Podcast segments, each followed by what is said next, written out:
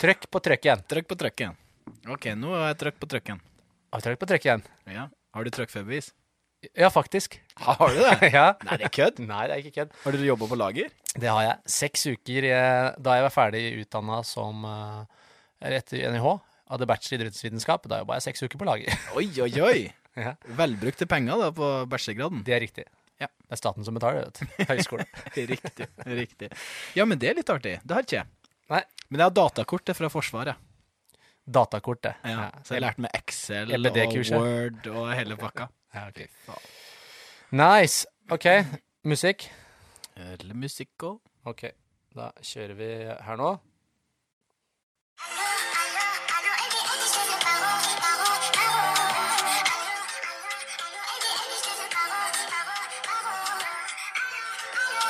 Fortsatt ingenting. Ingen relasjon. Til hva? Du vet ikke hva dette er for noe? Du har ikke spurt.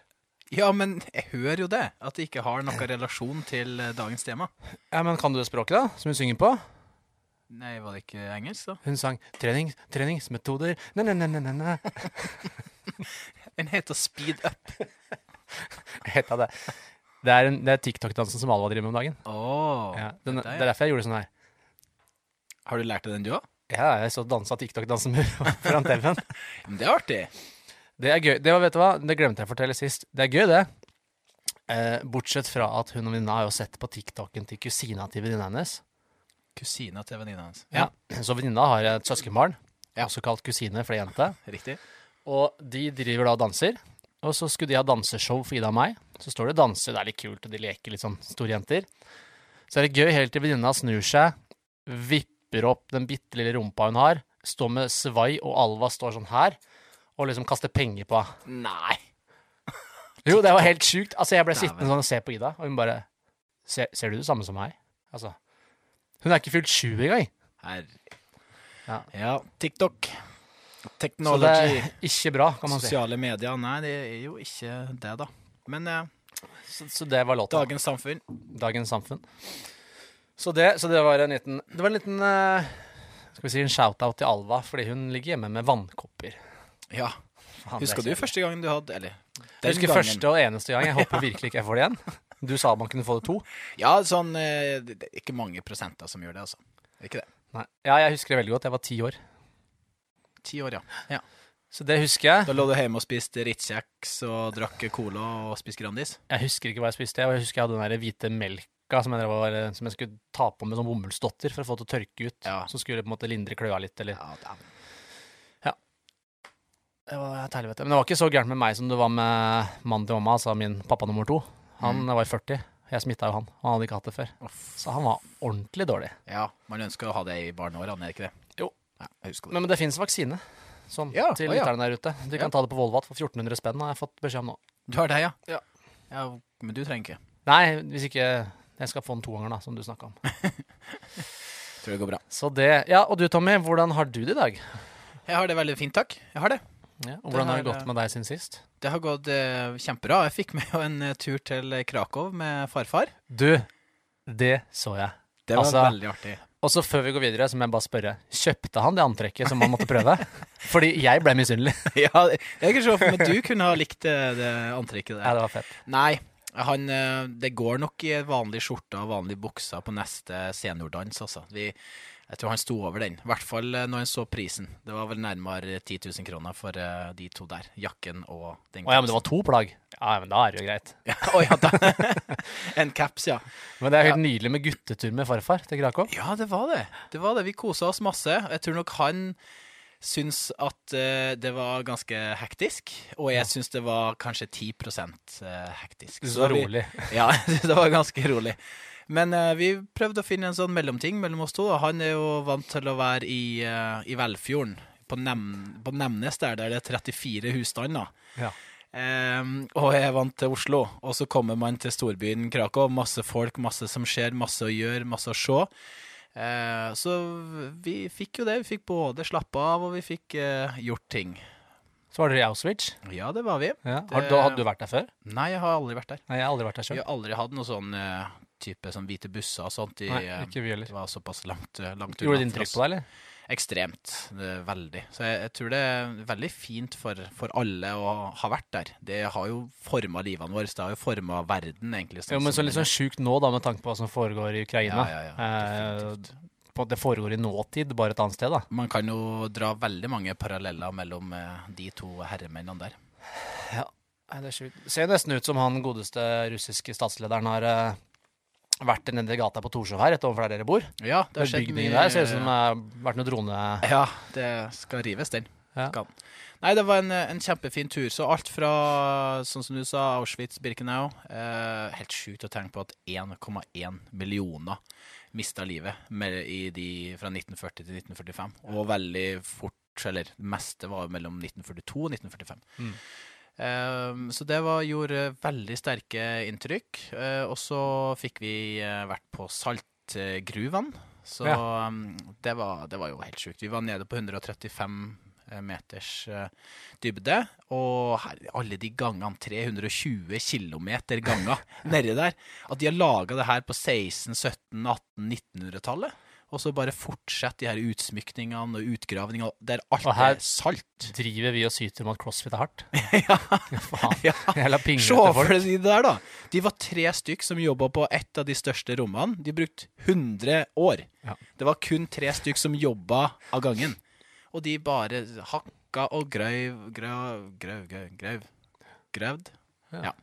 Og så fikk vi jo tid til litt spa, da. Farfar har jo aldri hatt en massasje hele sitt liv. Så det var jo litt spennende. Hans generasjon er nok litt sånn eh, Ja, kanskje ikke vant til eh, noe sånt. Ja, hvordan, type, hvordan type massasje ble det?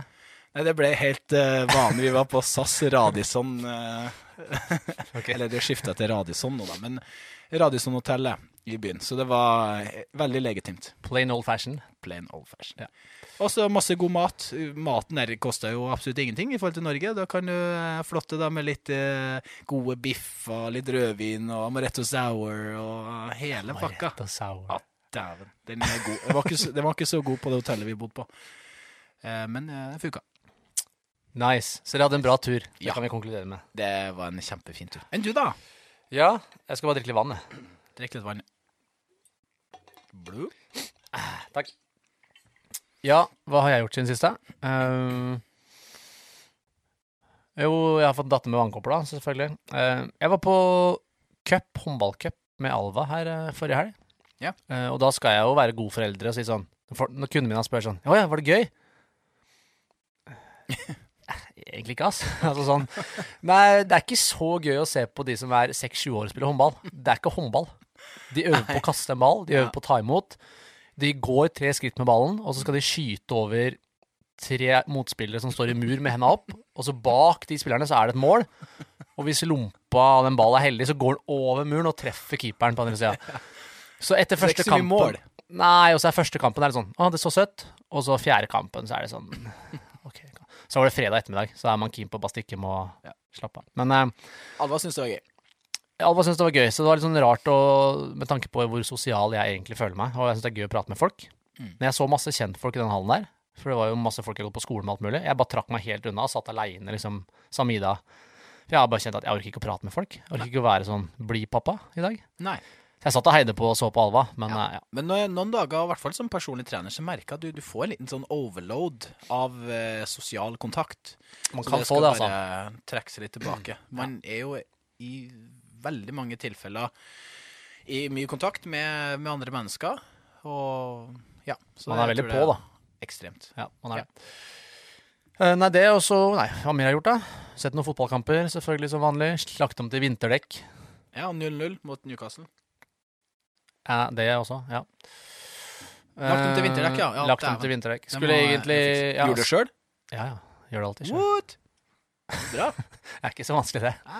Nei, jeg, hadde, jeg, var, jeg gjorde det med broren min nå, da, for han har en sånn derre Du vet, sånn pistol som går Ja, ja. Ja, Så det går mye raskere. Så jeg drar til han og gjør det der. Er han Porsche-dude, ikke det?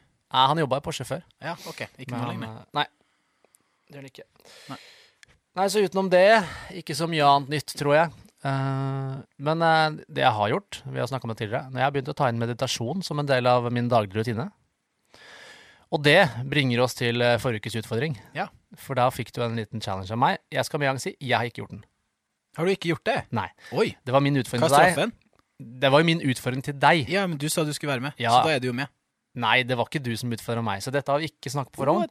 Forventningsavklaring, OK? Uh, så jeg har ikke gjort hele jobben, men jeg har meditert hver dag siden. Ja, ja, ok. Ja, Ja. men jeg har ikke sittet i, så jeg er spent på deg. Gjorde du de to ganger 20 minuttene? jeg har det. Kom Men- igjen, fortell. Ja, Nå er jeg spent. ja, men jeg har jo hatt eh, mange muligheter i, i Krakow, da. Først og fremst har du jo hatt eh, fly frem og tilbake. Se for meg at farfar din Å Å ja, ok. Jeg tenkte du satt på en benk i Krakow, farfar din sitter sånn halvsover, og du tenker sånn Ja, greit, da kjører vi mindfulness. Nei da, eh, første mulighet var jo um, på flyturen dit. Ja. Så der fikk jeg bare sona helt ut. Hadde på noise cancelling, så ikke, ikke noe musikk. Ja. Bare noise cancelling med de hodetelefonene som jeg har her. Så det var veldig deilig å bare sone sone ut. Men Ble du eh, kreativ? Har du mye tanker og sånn, eller? Ja da, gjorde det. Så man skriver litt eh, underveis. Jeg kom på ganske mye ting. Underveis? til, Du eh, skal ikke gjøre det underveis? Nei, nei, etterpå. da, Ah, ok, greit. Ja. Eh, Men eh, du jeg kom jo på sånn OK, at det var skylda en person penger for eh, det her eh, billetten jeg hadde til Bodø-Glimt-kampen, og at jeg måtte sende han melding for å få nummeret hans, så jeg kunne vippse han. Så det var liksom en ting jeg kom på. Så jeg, kom liksom på ganske mye. Så jeg klarte ikke helt Kom på kjipe ting, altså. Ja. Folk du skyldte penger. ja, riktig. den er kjip. Ja. Men um, det er fint å gjøre opp for seg. Så det Og så bra. Men gjorde du gang nummer to, da? 20 minutter med prøve å sitte og fokusere på pust? For det er ganske lenge med 20 minutter. Altså. Ja, jeg fokuserte på pusten, og det var på spa, da. Ja. På massasjen. Så jeg hadde sånn body scrub først, og så hadde jeg fullkroppsmassasje etterpå. ja, ok, Så mens du ble knadd på, så prøvde du også å fokusere på pusten? Ja. Da får du en liksom dobbel challenge, da, for da har du jo på en måte sensations i at noen tar på kroppen din og eh, berører det, og så skal du i tillegg da prøve å ha et internt fokus på pust. Ja. Hvordan var det, da?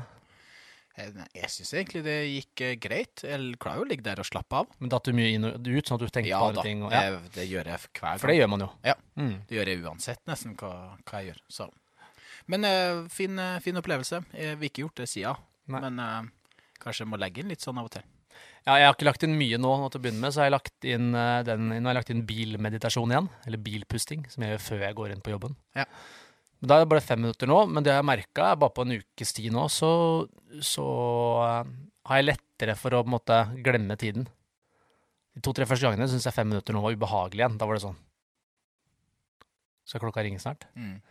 Mens sånn som i dag, så gikk det sånn. Altså Da var det over med en gang. Så da fant jeg virkelig sånn med en gang. Så det var kult. Kult. Mm. OK, skal vi kjøre en liten trudelutt og komme i gang med Ja, det var lang intro i dag. La oss gjøre det. Yes. Ja.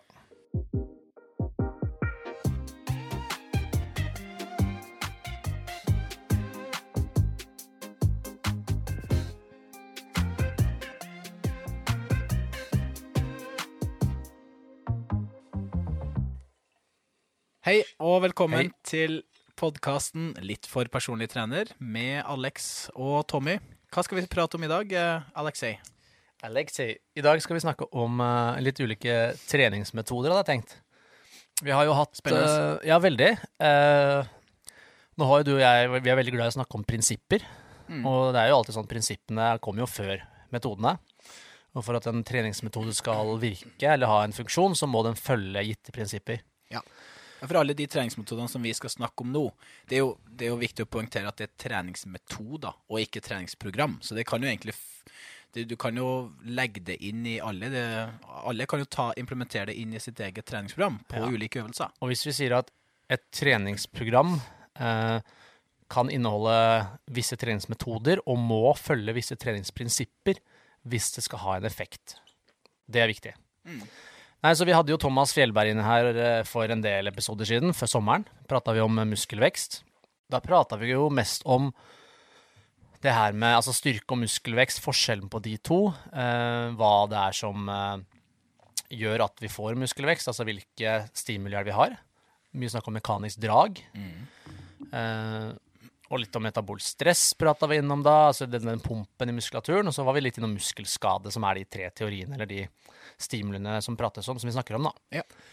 Men vi var ikke inne på noen metoder. Og når det kommer til metoder og det vi skal snakke om i dag, så, så handler jo mye av det om eh, hva er hensiktsmessig når. Så det skal vi også ta det opp eh, litt i dag, da.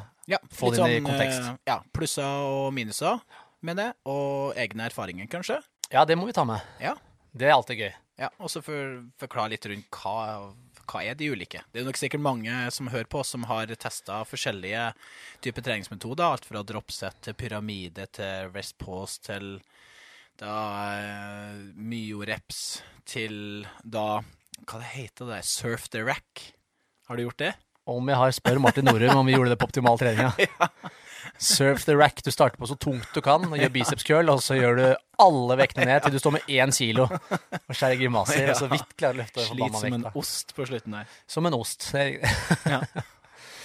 Ja, men bra. Nei, skal vi gå rett på første, første metode? Eh, Du kan få starte du, hvis du har noen du, metoder som du har testa, eller som du på en måte har interessert deg for. Um, ja. Skal vi ta den først? Vi, vi, kan jo, vi kan jo starte med myoreps. Jeg tror vi begge har, eh, har gjort det, og har eh, ja, om ikke god erfaring med det, men i hvert fall eh, gjort det litt sånn her og der. Du Ja, må jo også... ærlig innrømme at jeg ikke har gjort det i de siste, siste årene, i hvert fall. Nei, Men, eh, Nei, jeg har gjort det mye. Eh, Og så må vi jo si at vi har hatt Myo? Myo, ja. Du har gjort det mye. Oh, dish, dish. Vi har hatt The Godfather of My Reps i Ja, poden vår. Børge. Fagli. Mm. Det skal nevnes. Eh, Det har jo blitt en metode som har spredd seg verden over, eh, og blitt skrevet masse om. Mm. Så dette var noe Børge kom med, hvis ikke jeg husker feil, altså i hvert fall før ja, første halvdel, eller si, Han før ut en bok i 2010. 2010. Ja. Ja, men litt, litt før det. Han har testa det ut en stund før det også. ja. Kan en kalle det evolusjon og revolusjon, eller noe sånt? Jeg vet ikke. Revolusjon for revolusjon. Ja, det var i hvert fall Men eh. Børge har vært veldig på det Myo-navnet. Ja. Det var jo My Revolution, altså Myo Revolution. Og Mm. Myo betyr jo muskel. Ja. Så det er muskelrepetisjoner vi skal snakke om i dag. Det er helt, eh, helt riktig. Ja. Skal vi ta litt kort om prinsippene rundt det først? Hva er på en måte tanken bak det? Ja. Eller kan si hva det er først, da? Ja, det kan vi ta gjøre. Så det er jo en, det er jo en treningsmetode, så ikke et program. Eh, og det kan jo implementeres da i, i alle program og eh, øvelser. Og hva er hensikten med det? Hva er det vi ønsker å få ut av en sånn type metode? Ja, Det handler jo om å trene musklene da til utmattelse i, eh, i hvert sett, sånn at man, det, man bruker det for å få flere effektive reps. Um, og det er jo da de her siste kanskje fem repetisjonene som vi, vi snakka om. Så på et sett med, med 20 reps, så kan du oppleve at ti 10 repetisjoner er lett, og så har du de neste er litt sånn medium tung. Du kjenner at det begynner å skje litt ting. Uh, og så har du de siste fem som er, er svært tung. Og da da er det de her siste fem repetisjonene som eh, vi, eh, vi snakka om, og det er det vi ser på som effektive reps, hvor du da rekrutterer de, de siste eh, inaktive muskelfibrene. Du husker den der, eh, den metaforen du bruker på at eh, ok, nå må flere og flere komme til for å dytte denne her eh, Ja, så vi bussen. snakka om at det var veldig få som skulle til for å dytte en bil som var lett. Ja. Og jo tyngre den bilen ble, og ble det en buss, så var det flere mennesker som måtte til. Ja. Og enten kan man dytte en bil over, lang, over en lang strekke. Da vil de første personene bli utmatta, og så må flere og flere til. Ja. Og sånn tenker man et sett med mange repetisjoner, at det er noen få muskelfibre som starter, og så må alle etter hvert rekrutteres Ja. for å klare å flytte på vekta. Ja, Absolutt. Så hvis at vi da eh, ser på forskjell mellom en vanlig, tradisjonell, eh, tradisjonelt sett, så kan du la, la oss si at vi skal gjøre tre ganger 20 reps, der du da har ett til to minutts pause mellom. Så vil du ta første sett på rundt 20 eh, repetisjoner. Da vil du kanskje ha de siste fem repetisjonene som effektive reps. Og så har du greit med pause, som gjør at eh, kroppen klarer å innhente seg litt, men kanskje ikke helt optimalt. Så du er kanskje nede på en, en 18 repetisjoner på neste sett, der du kanskje har en tre, fire, fem repetisjoner som er effektive på sett to. Så gjør du akkurat det samme etter to minutts pause. Eh, og så har du kanskje på siste sett så klarer du en 14-15 repetisjoner. Og da er du såpass sliten, både mentalt og, og fysisk, at du kanskje har en to, tre, fire reps. Eh, til, som da er effektive reps. Så det er litt mer den tradisjonelle.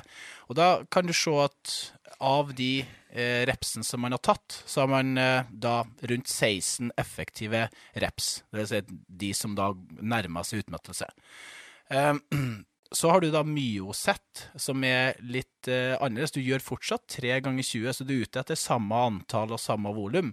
Det er bare at her kjører du et aktiveringssett på rundt eh, 20 repetisjoner. Har de siste fem repetisjoner som da effektive reps, som er en nært failure. Her, så i stedet for ett til to minutts pause, så har du nå 15 sekunder, så mye kortere pause.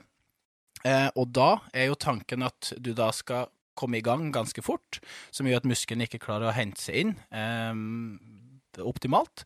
Som da gjør at eh, nå kjører du bare fem repetisjoner. Og da vil alle de fem repetisjonene være effektive reps. Og så tar du 15 sekunder igjen, og så eh, fem repetisjoner, og så holder du egentlig på til at du har gjort en, en fem, eh, fem sett av det her. Så ett aktiveringssett pluss fem sånne eh, delsett med 15 sekunds eh, pause.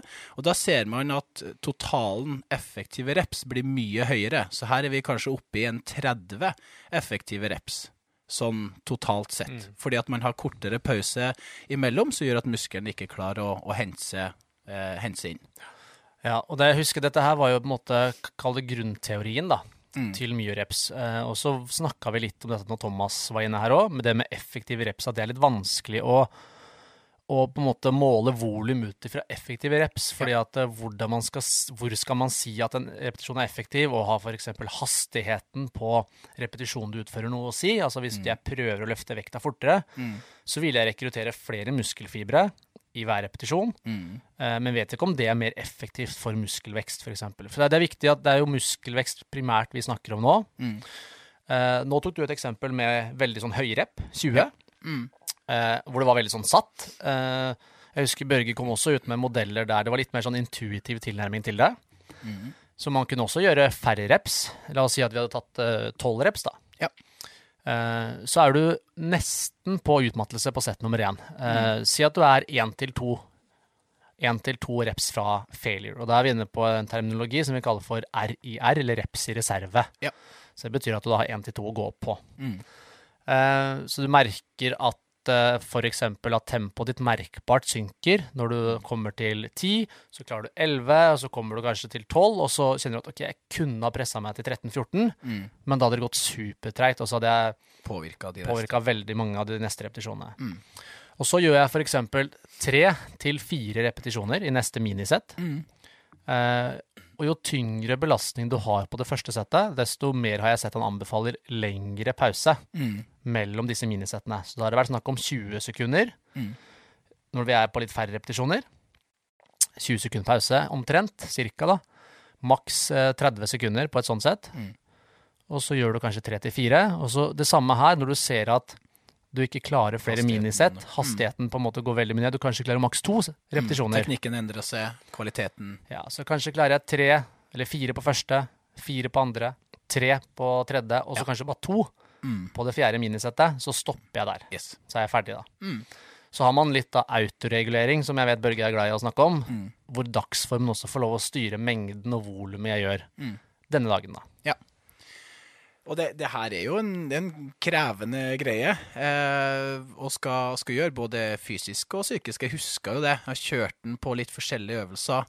Alt fra leg extension til eh, ja, enarms hantelroing. Så jeg kjørte den på ganske mye forskjellig. Jeg har til og med faktisk kjørt den på frontbøy. Det var, tror jeg var noe av det jævligste jeg noen gang har gjort. Så um, det, er jo, det er jo absolutt mange, mange plusser eh, med det. Så det er jo, det er viktig å, å kjenne litt på eller vite litt om det. Og det er jo veldig tidseffektivt hvis at man har litt eh, dårlig tid. Og der tror jeg du er inne på kanskje noe av det viktigste, da. Ja. med mye reps, fordi at eh, eh, Nå har ikke jeg all forskninga i huet her og nå, sånn sett, men eh, jeg vet i hvert fall at det har vist seg å være minst like effektivt. Eh, Børge vil nok ha noen Han har snakka til noen forskning der det kan vise seg å være mer effektivt med tanke på volumet man har. Eh, men i bunn og grunn så ville jeg sagt at den største fordelen du har ved å bruke det, er at det er tidseffektivt. Ja. Du bruker kortere tid på å gjennomføre en øvelse. Mm. Um, I koronatimes så var det mange av mine kunder som fikk mye reps på skjemaet sitt, rett og slett fordi at i stedet for å gjøre da supersett, som vi kommer inn på etterpå, Mm. uh, så kunne de sitte på ett apparat hele veien, Mm. og så kunne de gjøre seg ferdig ganske kjapt, sånn at andre mennesker på gymmet kunne få det apparatet, og de kunne gå videre på neste øvelse. Ja. Så det, der har vi en stor fordel. Og jeg har jo motsatt opplevelse av deg. Du sier at det er ganske sånn tøft. Ja, det er tøft, men noen ganger så er det lettere for meg å motivere meg til å gjøre flere minisett Mm. når jeg først er i bobla. Når jeg først har begynt med øvelsen, jeg er konsentrert, jeg er bare på den øvelsen der, i stedet for å ha en pause på to minutter og grue meg litt til neste tunge sett igjen, Mm. og så måtte gjøre 15 nye eller 12 nye. Ja, ja for du, du tar jo ja, alt fra fire til sju, fire til seks sett, kanskje sånn totalt, totalt sett. Ja, du har et det hovedsett, det som kalles for aktiveringssettet. Mm. Ja. Så Uh, det kommer jo an på type øvelser, men frontbøy har jeg aldri testa, og der er vi kanskje inne på hvilke øvelser passer den metoden for, da. Ja, det er sant. Hva du har gjort det for? Jeg har stort sett brukt det på apparater. Ja. Eh, Jeg har brukt det på noen eh, frivekts, men isoleringsøvelser, biceps curl. eh, Mm. Jeg har gjort det på pushdown. Um, Franskpress med hantler har jeg gjort det. Mm. Ja. Så litt mer så mindre, mindre øvelser. Ja, mindre beinpress. teknisk krevende. Ja, mindre teknisk, eller apparater, sånn som er da mindre teknisk. da. Leg extension, Ja, ja. Jeg testa det på det meste, Ja. men ikke gjort det på Ikke gjort mye-reps i den forstand med høyreps. På knebøy og frontbøy og markløft og sånn. Der Mm. passer det kanskje ikke like mye inn. Du har gjort det på benkpress? Eller med manualer? Det har jeg. Eh, benkpress med stang har jeg gjort det. Ja. Men da har jeg hatt noen spotter bak. Ja, det kan Ja. være. Ja. Fint. Nei, men eh, så det også er det jo mange som liker å kjenne her pumpen i muskelen. Så da Det så får man. Følelsesmessig så voldsomt òg. Det kjennes ut som T-skjorta skal sprenges. En deilig følelse, ass. Ja, Det er digg. Noen som liker det. Ja. Og så har det jo vist seg å ha god effekt på, på muskelvekst òg, da. Helt klart. Gjennom uh, ulike studier, fordi at du høyere andel av effektive reps. Og jeg, jeg føler at vi, sånn som vi tok opp her nå med, med ting man kanskje gjør litt mindre effektivt på trening, det å ikke trene tungt nok. Ja. Uh, Så det, det her er jo virkelig en måte å skal få trene tøft nok, nært eh, utmattelse. Nært utmattelse, og så ja, du snakker om effektive reps eh, Det viktigste her for folk å forstå, da, er jo at igjen, de grunnleggende prinsippene ligger til bånn. Så det som gjør at dette er en effektiv metode, er et mekanisk drag, altså det er noe som trekker motsatt vei av vi ønsker å bevege. Mm. Så muskelen får et drag i seg. Eh, det kan være metaboliske stresset, altså den pumpen man får. Mm. Men du er nødt til å ha en Muskelskade. Ja. Kan egentlig få inn alle tre. eh, Ja, det kan man. Eh, men du er nødt til å ha en, en økt belastning over tid her også. Du Ja. må ha en prinsipp om progresjon. Ja. Selv om dette er en effektiv metode, så gjør du en øvelse med 20 kg og 12 reps på første Mm. denne uka, så må målet neste uke være å klare 13 reps på 20 kg, eller øke vekta. Eller bruk eh, reps i reserve. Kanskje at uke én så har du tre reps i reserve, og så uke to så har du eh, to reps i reserve, og så har du uke tre. Sånn at du blir litt vant til måten å gjøre det på. være- Det er litt erfaringsbasert òg. Ja, men da bør du være litt viderekommen, i min bok i hvert fall. Definitivt. Det her passer jo ikke For det er vanskelig å vite når har jeg tre reps i reserve. Og hvis du er nært utmattelse, Mm. så vet du at du er Si null til to er lettere å vite enn om du er tre, fire, fem. Ja. Eh, så ja. Men at du i hvert fall har litt å gå på i starten, hvis du ikke har testa mye reps før. Og anbefales kanskje ikke for nybegynnere i, i starten. At Nei. du er litt, eh, litt viderekommen ja, når det kommer til treningsøvelser. At du har gjort denne treningsøvelsen ganske mange ganger Ja. før at du gjør, eh, gjør det på mye reps. Riktig. Og da Ja, sorry. Nei, bare kjør du først. Ja, jeg skulle si at det er primært så har det vært brukt på høyreps, eh, men det kan også brukes lignende formater på litt tyngre motstand, litt lavere repetisjoner, og heller kjøre færre repetisjoner på disse korte settene, og så har du litt lengre pause. Mm. Da begynner det å ligne litt på en annen metode. Mm. Uh, da får du på en måte et aktiveringssett, og så får du sånne små cluster etterpå, altså sånn lignende på cluster-sett, som vi skal snakke om også. Ja. Men du kan gjøre det med tyngre belastning, og kanskje kjøre enere. Mm. Eh, og det er mange som har gjort. Altså du kjører et sett i beinpressen til du nesten ikke klarer flere, og så hviler du på toppen, Mm. så gjør du én rep, puster litt, hviler, tar du én, og så fortsetter du sånn til du har ganske mange enere. Ja. Så mengden blir allikevel stor. Mm. Uh, og Det er totalvolum man er ute etter. Ja, totale belastninga. Mm. Mm. Så det, du, nå har vi jo trukket frem de ulike plussene da, med det her, og det, nå har man litt sånn min- minuser med det òg. Eh, eller ikke nødvendigvis minus eller negativt, men ting som man må være klar over. Det er jo tøft uh, mentalt, syns i hvert fall eh, jeg, så det er jo ikke skal gjøre det på absolutt alle øvelsene hele tida. Men å kanskje velge seg ut er en øvelse som man har fokus på en liten periode, og så fortsetter man. Det er litt lettere å vite progresjon og sånt. da, men det, kan jo, man, det kan jo være litt mer skadeutsatt eh, pga. høy belastning på muskulatur. Så det er en ting å tenke litt, eh, tenke litt på. Kommer an på hvor mange minisett du gjør, da. Ja da, men, på eh, samme måte som et vanlig ja. Om du gjør tre eller seks sett på en øvelse. mm, men totalvolumet blir jo fort veldig Eller de effektive repsene når vi jobber såpass mye til utmattelse og gjør Mm. det såpass tregt. Men eh, å ha kontroll på reps i reserve i starten, det kan jo Mm. være fint. Um, så det er jo ikke alltid like enkelt å styre det her forholdet da mellom hva er akkurat passe volum, og, eh, og intensitet, kontra hva er for mye.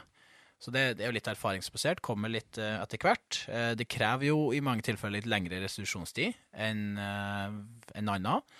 Uh, fordi at du pusher såpass mye mot eh, limit. Eh, og så er det selvfølgelig det at du må bygge det opp over tid, sånn at man er litt bevisst på det i starten. Mm. Ja.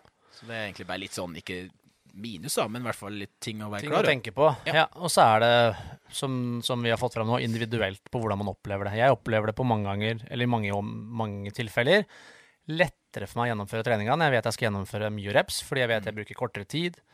Jeg skal bare holde fokus på den her. Så alltid hvis jeg har kort tid og jeg skal gjennomføre treningsøkt, Mm. så kjører jeg mye reps. Det er min go to. Hvis jeg har sånn, ok, nå en halvtime, jeg skal bare få gjennomført noe, Mm. plukker jeg ut noen apparater, noen enkle øvelser, så jeg får liksom kjørt igjennom. Mm. Det, det funker alltid bra for meg. Ja, for trening, altså, ja, men akkurat når du står i det, det begynner å gjøre litt vondt etter hvert. Ja da, men ja, og ja, jeg er helt enig. Og jeg har kunder som, som løper eh, 15 km og to mil og sånn, ikke sant, til helga. og så gjør vi fire repetisjoner av en styrkeøvelse. De bare 'Å, det var vondt'. Ja. Så tenker jeg det her er ikke vondt. Å løpe to mil er forbanna vondt. Så vi er jo forskjellig skrudd sammen, da. Ekstremt. Bra. OK, føler du at vi har fått sagt det vi trenger om eh, myoreps? Egentlig kan jeg igjen Test, eh, teste ut. teste ut. eh, det er helt topp. Jeg, som sagt, jeg er veldig glad i den metoden. Har du gjort det denne uka? Uh, nei, jeg har ikke mye reps i planen min nå. Det har jeg ikke. Uh, men jeg satt faktisk senest i går og vurderte om jeg skulle ta det inn igjen etter hvert. Ja. Laga du egen Du laga eget program? En del ganger gjør jeg det. Nå følger jeg en app faktisk nå, så nå oh, ja, gjør du det? et program. Kult. Så får se hvor lenge jeg følger det før jeg bytter. det hender jo at jeg gjør. Greit. Så mye reps der, altså. Uh, Hva har du på hjertet? jeg tenker jo at vi kan fortsette litt i samme gate, da. Uh, myoreps er noe vi oftest bruker retta mot muskelvekst, hypertrofi. Så har vi det vi kaller for cluster set, som Yes. ligner litt. Eh, det betyr egentlig at du deler opp et tradisjonelt sett i ulike klynger av repetisjoner. Ja, klynge. Det var Ja. bra navn. Det er vel egentlig det cluster betyr, er ikke det? Jo. det er egentlig det. Nei, så da eksempelvis Dette er jo ting jeg bruker eh, med kunder, så har jeg brukt det eksempel både på knebøy, eh, chins Ja. Øke maksstyrken der, for eksempel. La oss ta det, da. Pullups og chins er en øvelse veldig mange vil ha og Ja. klare. Mm. Eh, så i stedet for å velge en vekt der du klarer f.eks. fire repetisjoner eller fem repetisjoner, så vi er inne på maksstyrke. Du tar en vekt der du maks ville klart fem til seks repetisjoner. Mm. Så tenker man at ok, skulle jeg vært smart her når jeg trener styrke, så ville jeg kanskje gjort fire repetisjoner og hatt et par repetisjoner i reserve for å opprettholde belastninga på settene. Mm. Eh, da kan jeg tenke at eh, ok, det jeg kan gjøre da, det er at jeg splitter alle repetisjonene inn i single repetisjoner. Mm. En Så pluss da gjør man-. Riktig. Mm. Det blir fire i min bok. Det er riktig. I min òg. Ja. Og kvadratroten av fire er 19,3. Ja, det stemmer. Nei, så da tar vi og gjør én repetisjon, hviler eh, Jeg har minimum 20 sekunder, du kan hvile 30 sekunder. Det er ofte vanlig å ha en god pause der. Ja. Så si 20-30 sekunder, og så gjør du én repetisjon, og så gjentar du det da fire ganger. Mm. Og da har du gjort ett sett. Ja. Det gjør at du klarer å ha en større belastning per repetisjon enn Mm. hvis du skulle gjort fire eller fem på rad. Mm. Så på den måten så får du belasta mer, som er ekstremt viktig når vi tenker på styrke og økning i styrke, hvor belastningen er hoved, eh, hovedvariabelen som vi trenger å, å justere Ja. og øke. Mm. Mens på muskelvekst så kan vi også da tenke øke antall repetisjoner. Det vil være vel så effektivt, da. Mm. Så Ja, det, nei, jeg er helt, eh, helt enig. Og det der bruker jeg veldig, veldig mye på chins, pullups, pushups. mm, Der, der jeg fø- der, hvis en person er sånn akkurat mellom én til to eh, reps, så syns jeg det er veldig, veldig fint å, å bruke. Så i stedet for å ta to reps og bare akkurat klar den siste lille, ehm, så, ehm, så vil jeg heller ha Og da, hvis en bare akkurat klarer den siste, to, så to repsene, så ville det påvirke neste sett såpass mye at jeg ser at da klarer man så vidt én. Mm. Så her gjør jeg da én repetisjon, og så tar jeg da 10-15-20 sekunder pause, kanskje, og så sånn man får pusta litt. Og så gjør man en repetisjon til. Så man får fortsatt det samme totalvolumet, um, bare at man deler litt opp, sånn at man klarer et høyere totalvolum sånn totalt sett over de settene som du skal gjøre. ja, for så det det på- handler om da, Få mer mer belastning totalt. Mm. Så det, det syns jeg det er kjempe, kjempebra. På chins og pullups og mye med egen kroppsvekt. Og selvfølgelig med, med knebøy og, og sånt. Og knebøy syns jeg òg funka veldig bra sånn med, med clustersett. Sånn at du Litt, litt å mer mikkmakk, sånn at du må sette fra deg stanga, Ja ta den ut igjen. For du, det blir litt lenge å stå med stanga i 30 sekunder før du gjør neste rep. Ja. Ja. Men ofte så bruker jeg litt sånn Kanskje første settet på, på fem, og så andre settet på tre, og så holder man på Gjør det en, en tre-fire fire gang. Mm. Sånn at uh, i stedet for å ta åtte etter hverandre, så er det fem pluss tre i stedet.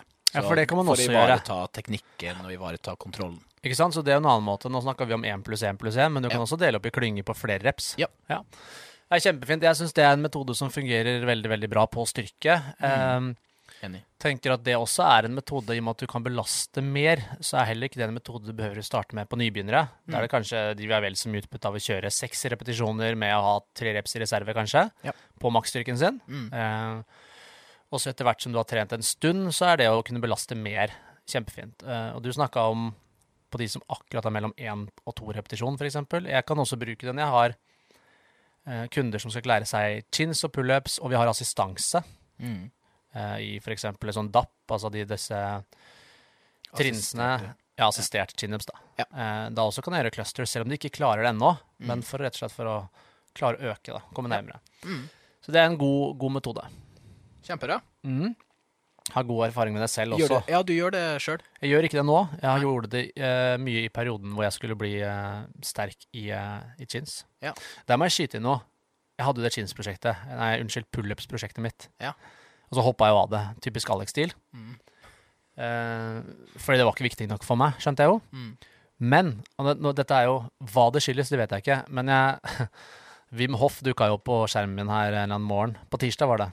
Hvor han prata om uh, breathing exercise. Og så gjorde han pushups. Så han gjorde da Wim Hoff-pustemetoden, som er omtrent at du hyperventilerer i 30 pust. Mm. Så skal du puste all lufta ut, så du ikke har noe pust i lungene, og så skal du begynne å gjøre pushups. Ja. Og så puster du inn når du må, da, underveis. Ja. Så tenkte jeg greit, jeg har hørt han skravle lenge nå, så jeg, greit, jeg prøver deg på pullups. Ja. På pullups, ja. Ja. Han sa pushups, jeg prøvde pullups. Ja. Og normalt sett når jeg gjør pullups på morgenen eh, før jeg har kunde, da, så pleier jeg å stoppe opp på sånn Ja, men si 11-12 så i strekk, så på en måte må jeg ha en sånn kort hvile hvis jeg skal også ta flere. Ja. Så testa jeg dette her, bare sånn for å gjøre det, og det blir litt sånn rusa. Mm. Så holdt jeg pusten i starten. Så gjorde jeg 15 på strekk, eller i strekk. Oi. Så tenkte jeg, ja, ja, hva enn det skyldes, det vet jeg ikke. Så gjorde jeg det samme i dag to dager seinere. Nå klarte jeg 17 uten å stoppe opp. Hæ? Nei, det var helt Ja. ja, et lite sidespor. Men jeg tenker jeg skal fortsette å prøve det, og bare se, uavhengig av hvorfor det funker, Mm. jeg skal se om det har en effekt på meg. Ja, ja. Voldsomt, da. Ja, fordi pullups er vel kanskje en av de mest dagsformbelagte øvelsene som du kan finne. Riktig, så det er mange en dag ting så kan her. det kjennes 15 kjennes kjempelett ut. Så det kan være fordi Manchester er United vant i går mot Tottenham, at det var derfor. Mye trøkk. Ja, Nei, så et eh, lite sideprosjekt der. Ja. Men jeg brukte clusterset mye når jeg skulle øke da maksstyrken min. Mm. Ja, det er der jeg òg har brukt det litt mer for styrke. For delt opp i flere sett. Eh, men eh, en liten ting vi glemte på myoreps. I Ja. Hvert fall sånn, Du snakka jo om covid og perioder der du har Hvis du trener hjemme, f.eks., så kan jo Mm. myoreps være kjempefint. Der du kanskje har maks 22,5 kilo i en manual eller noe, noe lignende. Så kan det være veldig fint for å få enda flere effektive reps, hvis man ikke har da mer belastning. Ja, hvis du må kjøre veldig høy, høyreps, så Mm. kan det være vanskelig ganger å motivere seg til å måtte kjøre 25 reps hvert Ja. eneste sett. Mm. Kanskje heller da kjøre 25 på første, og så klarer du nesten ikke flere, og så gjør du heller minisett. Ja. Ja. Mm. OK. Nei, men eh, det er fint. Uh, Clustersett, bra. Bra. Skal vi ta for oss litt dropsett, da? Dropset er kult. Det er jo noe av det første treningsmetoden alle brosa lærer. I hvert fall den broen som sitter her. Ja, ja du er en bro. Jeg, jeg ser ikke Eh, på meg sjøl som en eh, gym bro, dessverre. Jeg har egentlig aldri gjort, uh, har, ikke, du har ikke vært i en gymbro, men Sjøl om eh, at jeg var omgitt av gym bros eh, borte på Optimal trening i eh, de fire årene jeg var der. tider, ass. Ja, tider, ass. Nei, så dropset var jo det første metoden man lærte. Ja. Det å force reps, da. Ja. Men eh, ta dropset da, Tommy. Ja. ehm, det er jo ofte noe som du bruker helt til slutten av, av økta. Og der du har en sånn tre-fire vanlige sett av en eh, øvelse. Eh, så rett etter siste sett så tar du da ei lettere vekt enn det du hadde, eh, og løfter da videre med, med en gang. Og når du da ikke klarer flere repetisjoner på den gitte vekta, så dropper du vekta igjen, og så da fortsetter helt til muskelen er egentlig fullstendig utmatta. Og det der er jo ganske klassisk, spesielt litt sånn på Gjort det på type sidehev og litt sånt. Og det, det er så rar følelse. Det kjennes så greit ut i, i starten når man holder på, og så eh, på de settene man gjør, og så ja, la oss si at en seks, sju, åtte reps kjennes uh, greit ut, og så begynner det å smelle noe vanvittig. Og så tar du uh, litt mindre vekt igjen på neste, og så til slutt så står du der med énkilosen, eller egentlig nesten bare egen kroppsvekt og løfter, og du, det kjennes ut som du ikke har sjans til å løfte i Nå armene. skal, jeg, nå skal jeg gjerne, nå fikk jeg sånn bilder i huet her, så nå ser jeg sånn parallelt. Så nå har jeg Arnold Schwarzenegger ved siden av deg som sitter og forteller om The Pump. It's almost like coming. Han uh, er helt euforisk, og så kommer Tommy fra Brønnøysund. Kjemperar den følelsen jeg får i muskelen når jeg løfter vekta, den stopper opp. Så det blir sånn rar i armene her. Så, er ikke morsomt. Men det er som du sier, eh, og det er jo den tradisjonelle måten man bruker det på. Det som er kanskje litt eh, interessant med dropset når det kommer til studier som er gjort på dette, her er jo igjen litt Kanskje litt sånn refmyo-reps. Det er litt, ligner litt på noen måter. Eh, det er jo at det viser seg at det å kunne gjøre dropset eh, F.eks. at du har ett hovedsett, Mm. og så har du minimal med pause. Og tradisjonelt så senker du vekta kanskje med 20-25 Mm. Eh, og så gjør du ett sett til, og så senker du vekta igjen litt, og så gjør du ett sett til, og så senker du vekta. Så du gjør ett hovedsett og tre tilleggssett. Ja. Eh, det viser seg å ha samme effekt, altså da samme, ikke bedre, men samme effekt som tre vanlige sett, der du har to til tre minutter pause imellom. da. Mm. Eh, Så igjen så handler det om, egentlig om å spare tid, da. Ja. Så la oss si, dette bruker jeg f.eks. med PT-kunder. Det har vært litt for mye skravling, vi har på en måte hatt det litt for hyggelig. Mm. Så sier jeg at ok, nå har vi veldig kort tid igjen, vi har én øvelse igjen. Mm. Da kan jeg f.eks. legge ned dropset på siste øvelse. Ja. Typ lårkøl, da. Ja. Ok, nå kjører vi dropset i dag, for da er vi ferdig på kort tid. Ja, så det er jo snakk om det her sånn flere effektive reps, også denne følelsen. I hvert fall hvis du har stått og prata halve PT-timen. Så det er liksom bare den gode følelsen Ikke jeg. Vi. Å ja. Ja. ja. Nei. Det.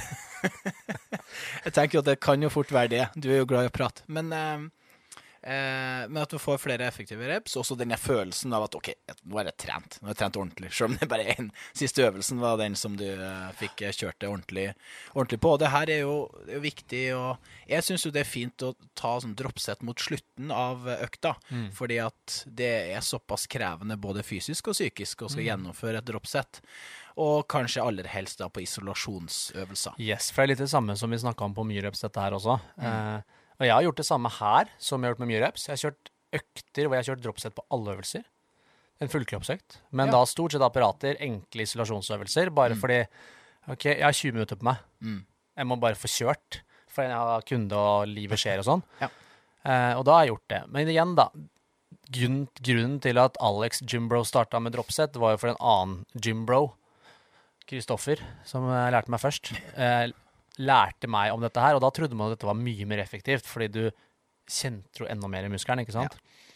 Og det er viktig å påpeke at det er ikke noe mer effektivt, og det å alltid legge til et dropset etter vanlig sett, Mm. det gjør at restitusjonstida vil kunne øke ganske mye. Mm. Um, så det er ikke nødvendigvis sånn at mer er bedre, altså. Nei, og det gjelder jo alt det. Du skal ikke gjøre det på alle øvelsene, du skal ikke gjøre det på alle øktene. Fordi at det påvirker restitusjonstida såpass mye at det tar ganske lang tid før muskelen klarer å hente seg inn, sånn at det tar lengre tid før den kan trene på 100% igjen. Ja, Så og så er det en, en avtagende effekt, på samme måte som antall sett. Så man ser jo det at når man har gjort studier på dette her, så har man sett at det å ha disse tre droppsettene etter det vanlige settet, Mm. eh, virker å gi bedre effekt da, liksom med to kontra én, tre kontra to. Mm. Og så kommer man til fire og fem, og da ser man ikke noe mer effekt lenger. Mm.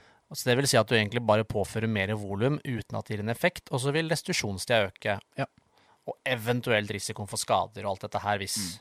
de tingene er til stede. Ja, absolutt. Og Her kanskje man anbefaler litt sånn kabelmaskiner, apparater, manualer som er, er lett. For det, her, det er ikke snakk om i hvert fall sånn type dropset som jeg har gjort. Så har det alltid vært sånn at du skal gå direkte på. Det er veldig lite pause mellom de settene. Ja. Og da har du ikke tid til å skal drive og dra av kilo fra stanga eller noe sånt. Her er det, må det være, skal være smekk rett på.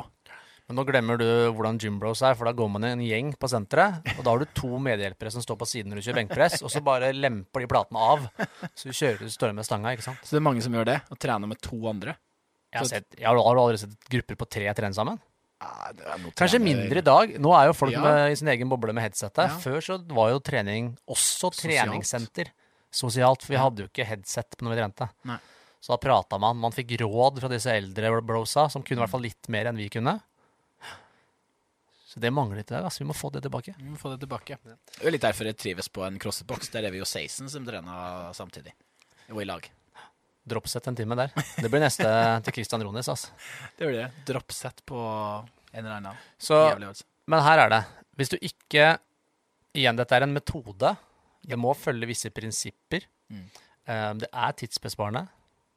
Du behøver ikke gjøre det på alle øvelser. Du kan gjøre det i stedet for å gjøre tre tradisjonelle sett. Du Mm. kan også gjøre det på, som du sier, la oss si du har kjørt to vanlige sett, så kjører du et tredje sett, og så har du dropsett etterpå for å øke volumet. Mm. Men du må ha en grunn til å gjøre det. Vit hvorfor du gjør det. Eller så dropp sett. Oi. Oi, Dish. pappahumor, altså. Du er jo eksperten på pappahumor. Men Ja. ja. ja, som sagt, så kabelmaskin, eh, manualer osv. Noe som kan justeres raskt, og ikke så mye, mye pause mellom. Så det, det er dropset. Det er dropset. Enn du? En E, hva det var nå? Hva neste? Å ja.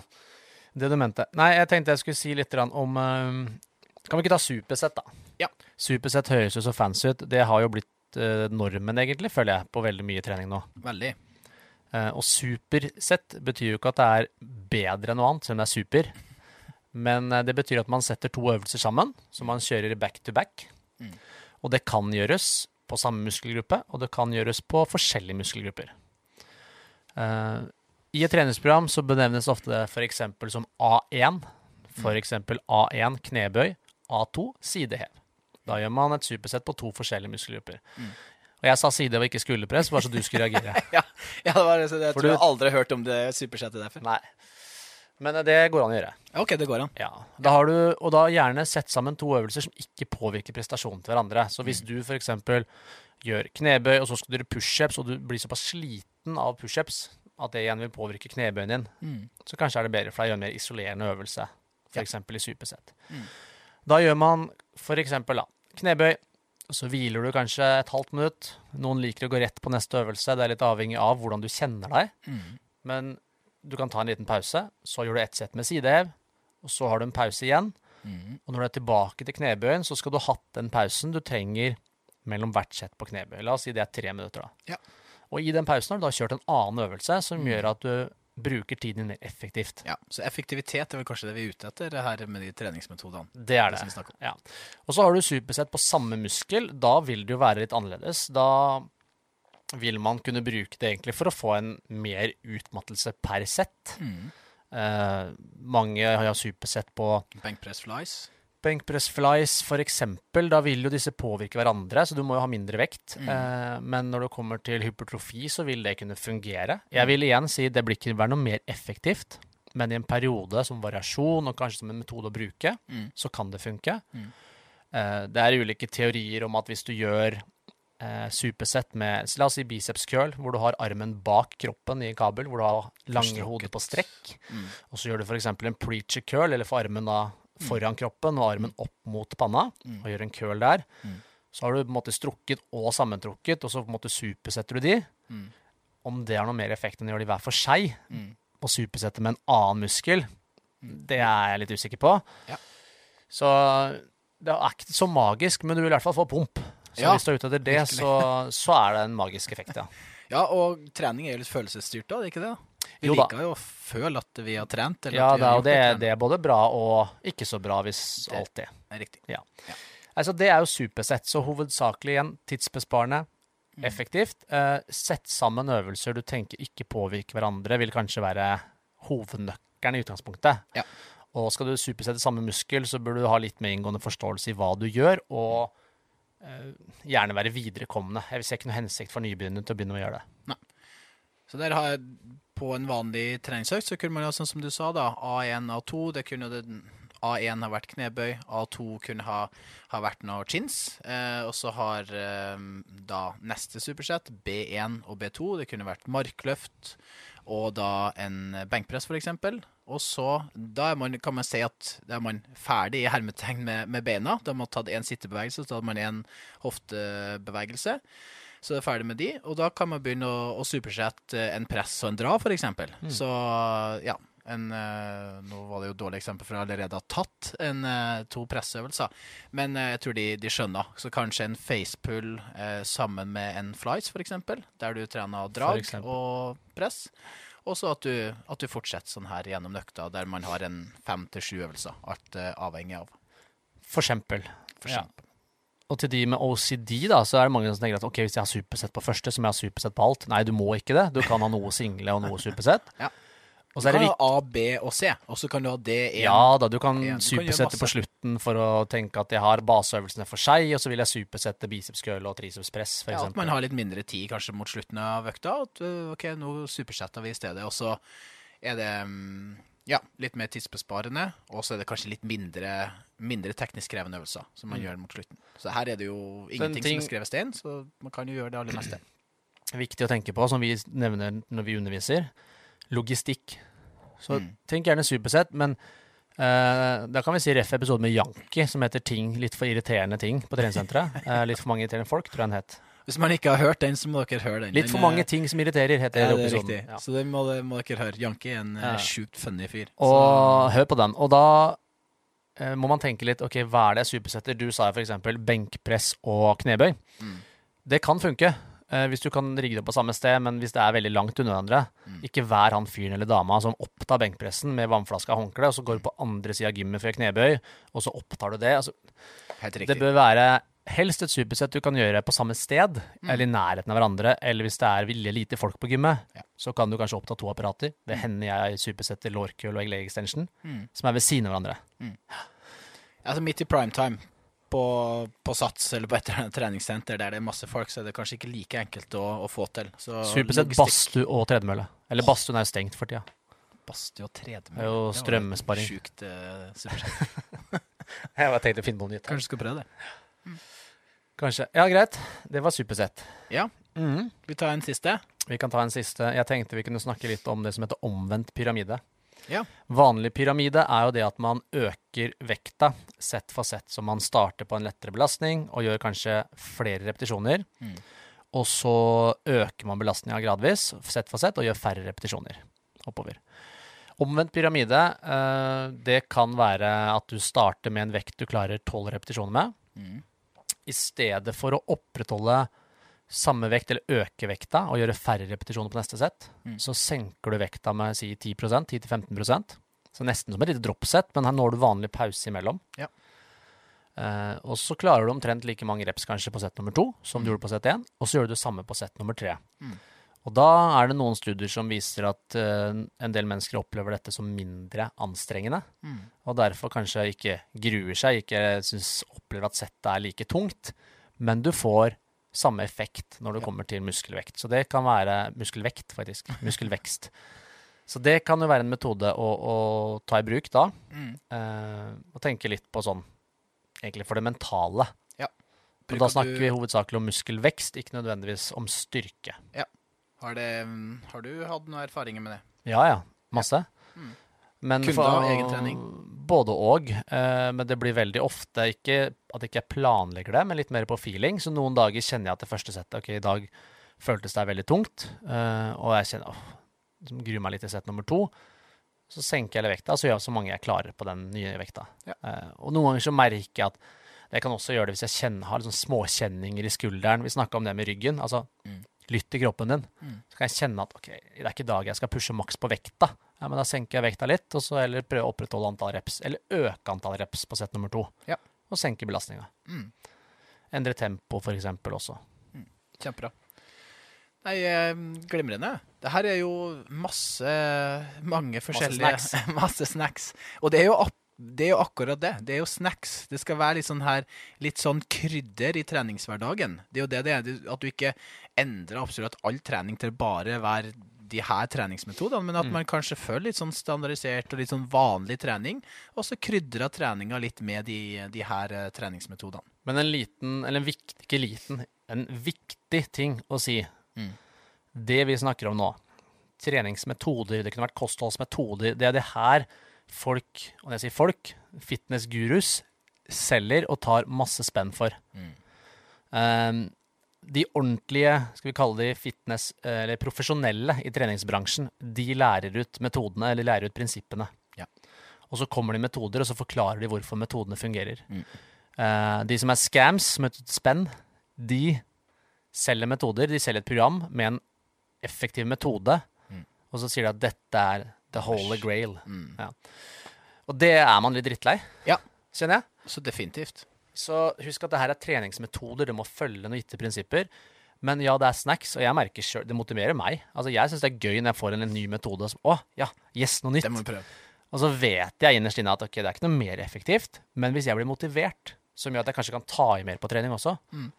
så virker det likevel, da. Ja, jeg er helt, eh, helt enig. Og jeg, jeg, tror, jeg har veldig trua på variasjon i treningshverdagen. Jeg, det er jo litt derfor jeg liker den treningsformen som jeg, driver, som jeg bedriver mest med. Og mm, ja, tenk liksom ikke alltid på hva som er mest optimalt, men at uh, du skal like, du skal glede litt. Eh, og det å skal ha en sånn OK, på, på torsdag så skal jeg gjøre litt en myoreps-variant uh, av, uh, av en øvelse. Mm. Så da har man noe å se frem til og, og glede seg til, og så krydre treningshverdagen. Jeg tror, det, jeg tror det er smart. Og kanskje få litt ulikt stimuli på muskulaturen og ja, litt eh, Skal sjokke muskelen, bro.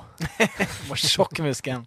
Herregud, det var så mye fine videoer på Instagram og Facebook her en, eh, en tid. Der ja, eh, ja, stemmer det. Jeg husker vi prata om det der. Folk skulle liksom ja, drev og late som om de skulle ta eh, finte en benkpress, og så ja. går det over i knebøy. Ja, du Den får i hvert fall sjokke jo noe. La oss ikke ta opp Ronaldo i podkasten, for jeg er litt forbanna i dag på Ja, jeg skjønner godt at du er forbanna på han. Ja, Ikke men noe bra. bra timespiller. Bra, Tommy. Du, nå har jeg sittet i en time og grua meg til åre, eh, årets challenge, holdt jeg på å si. Ukas challenge, jeg. Oi, har du det? Ja, jeg har vært litt sånn småspent. Ja da. Du var jo litt snill med meg eh, nå, og jeg syns jo det var jo gjennomførbart. Og det, det er fint å ha litt sånn eh, både òg, at det er noe som virkelig krever sin kar for, å, for å gjennomføre. Og det her, den her challengen eh, Jeg vil ikke si at den er så Du må ikke sette av så mye tid til det. Nei, ok, det liker jeg. Ja, det liker du. Eh, men det Er det hardt og det, brutalt? Ja, det kan være litt hardt og brutalt mens du holder på. Og det er egentlig i tråd med det vi eh, har snakka om nå. Hvilken treningsøkt skal jeg gjennomføre? Du skal ikke gjennomføre en treningsøkt, du skal gjennomføre en treningsmetode. Og Ja. det er da myoreps, Ja. sånn som vi snakka om. Og du skal gjøre den versjonen som jeg sa. Så da med, Med- med 20, og så 15 sekund pause. Mm. Og så er det 5, 5, 5 Ja, helt til at du, du kjenner at OK, nå går det ikke mer. Ja. Um, og det på øvelsen uh, Truster. det trynet der. Å, fy faen. Jeg vet ikke om jeg klarer 20 trusters, jeg.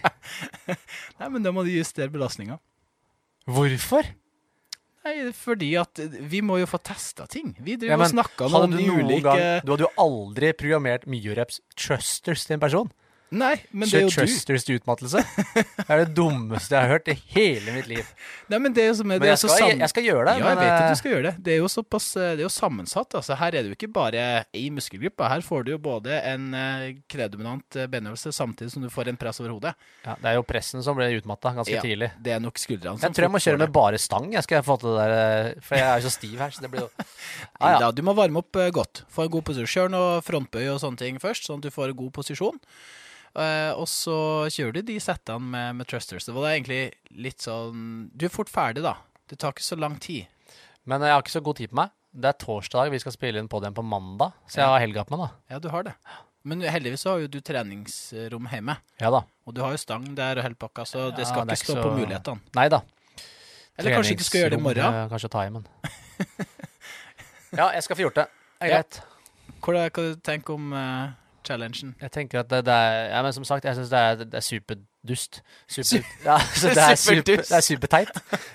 Ja, men vi snakker, vi har snakka om myoreps i dag. Ja, og da tenker jeg at det var jo jeg ga deg en kjempebra. challenge om puss, noe du kan få bruk for. Dette er sånn Jeg får faen ikke bruk for Du får jo mye- bruk for det. Det er mental styrke. Du Ja, er jo veldig okay. opptatt av mental trening. Ja, ja.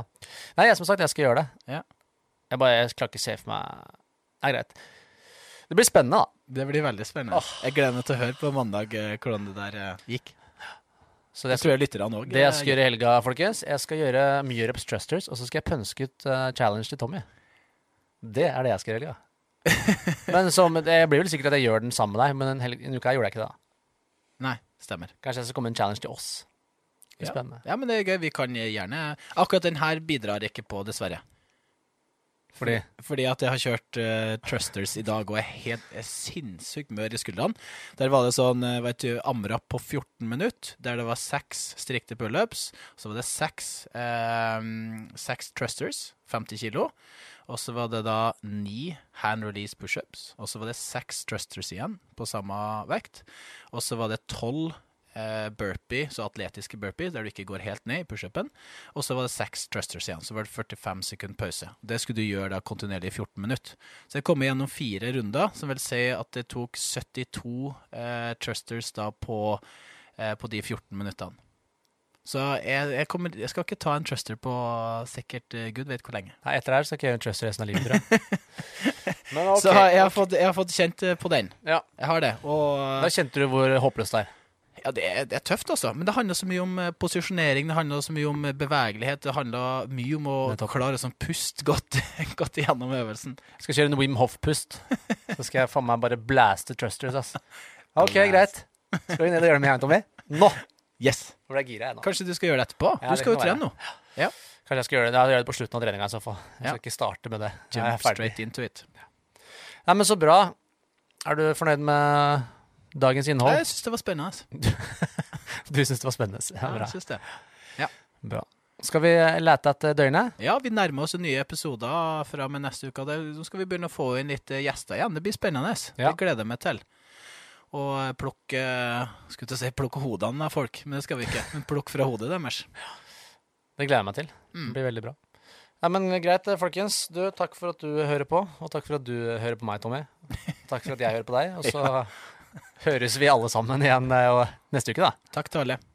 Ha det bra. Lett opp dørene. Ha det.